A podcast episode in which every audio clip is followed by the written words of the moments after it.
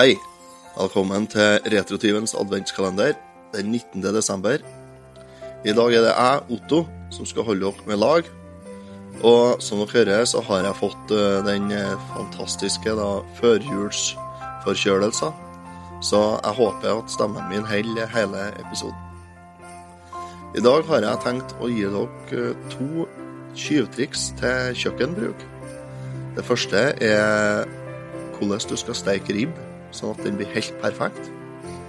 Og det andre trikset, det er en, eh, ja, en drikke som mange forbinder med påsk, men som jeg syns er veldig fin å finne i jula òg, nemlig eggelikør. Så her kommer det. Første er altså da hvordan steke perfekt ribbe. Det du trenger, det er til fire porsjoner av det her, da.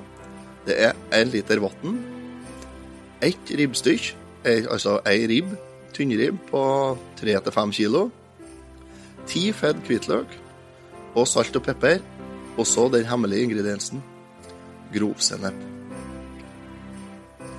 Ha på rikelig med salt på ribba, så la den ligge i én til to dager. Gnu den inn med grovsennep i tillegg.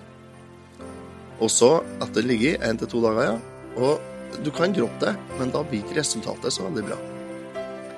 Hvis det ikke allerede er laga ruter i solen, så må du lage dem først. Da kan du bruke kniv eller barberblad eller noe sånt. Det kan gjerne være små ruter eh, på størrelse med ja, en sånn yatzyterning, f.eks. Så, etter at ribba har ligget med salt og sennep i én til to dager, helst to dager faktisk, så det får trekke seg mye av smaken, så har du på rikelig med grovkverna eller nykverna svartpepper. Sett på stekeovn på 180 grader. Bruk over- og undervarme. Det er den vanlige innstillinga. Ribba skal ligge midt i ovnen. Tøm vannet i ei ildfast form, og så legger du i hvitløkene, hel og uskrelt. Bare hele hvitløka, altså. Så legger du i ribbstykket med sol ned i én time. Og da må du ha, altså Med ildfast form her så mener vi selvfølgelig da langpanna, f.eks. Den må være så stor at den eh, har plass til hele ribben. Etter en time så tar du ut ribba, så snur du av sånn at solen nå vender opp. Sett den inn i ovnen i en time til.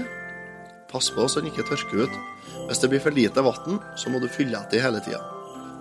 Den siste hæltimen så må du ta ut ribba ca. hvert femte minutt, og så auser du over skyen som har blitt inn i bunnen her i vannet. Auser du den over ribba, sånn at du blauter på solen hele tida. Og så kommer trikset, da. Du skal jo ha sprø sol. Hvis den ikke ser ut til å bli helt sprø og helt fin, så hever du temperaturen til ca. 220-230 grader. Men vær forsiktig så den ikke svir seg. Dersom du ikke får sprø sol med det, så setter du på grillelementet, men da følger du med hele tida. Da må du sitte her og se på. Du ser det når den solen liksom blåser opp og det blir som blærer. Da er den sprø. Her kan det være snakk om sekund, altså som er skillet mellom perfekt sprø sol og svartsvidd katastrofe. Hvis du ser at det er noen plasser at den begynner å bli sprø, men ikke overalt, så kan du legge på aluminiumsfoliebiter der den er blitt sprø, sånn at det er bare de bitene som ikke er sprø, som blir grilla. Sånn så får du perfekt ribb med veldig fin, sprø svol. Og så bare å stå og følge med. Og et annet tips er altså ribba blir best stekt, altså jevnest, hvis den er like tjukk hele ribba. Det du kan gjøre, det er at du kan bruke legge under litt dilldall og sånn aluminiumsfolie f.eks. For, for, for å løfte opp de bitene som blir litt lavere enn de andre. Og så må du følge med stekeovnen din. For de fleste stekeovnene de steker ikke helt jevnt, så det blir ikke helt jevn varme. Så du må følge med litt. Kanskje må du flytte litt rundt den ildfastforma i løpet av stekinga. Men det her klarer du. Og da er det bare én ting å si, og det er lykke til.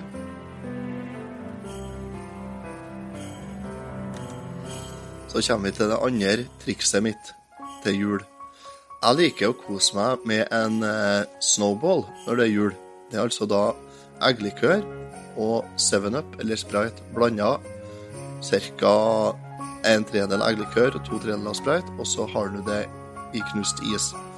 Da får du en god, god avkjølende drink. Veldig fin. En long drink, så ha et høyt, langt glass å ha den i. Så det. Sånn lager du den. Du må ha fire eggeplommer, 2,5 dl sukker, ei teskje vaniljesukker eller ei vaniljestang. 1,5 dl med kokt, kald melk, altså avkjølt, oppkokt melk. Og i oppskrifta så heter det seg at det skal være 2 dl konjakk. Sjøl så bruker jeg 3-4 dl.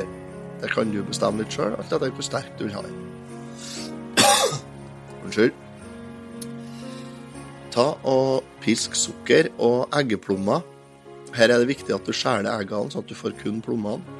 Pisker du det til det blir en skikkelig stiv eggedosis. Så tilsetter du vaniljesukker og melk og konjakk og pisker det inn. Rører det inn skikkelig. Heller egg, eggelikøren over på rene, rengjorte flasker. Eh, alt etter hvor mye du lager, da, men det her skulle være nok til sånn ca.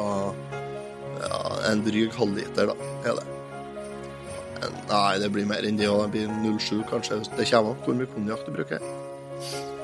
Ta flaska og legg den i fryseren, men ikke fyll flaska helt full.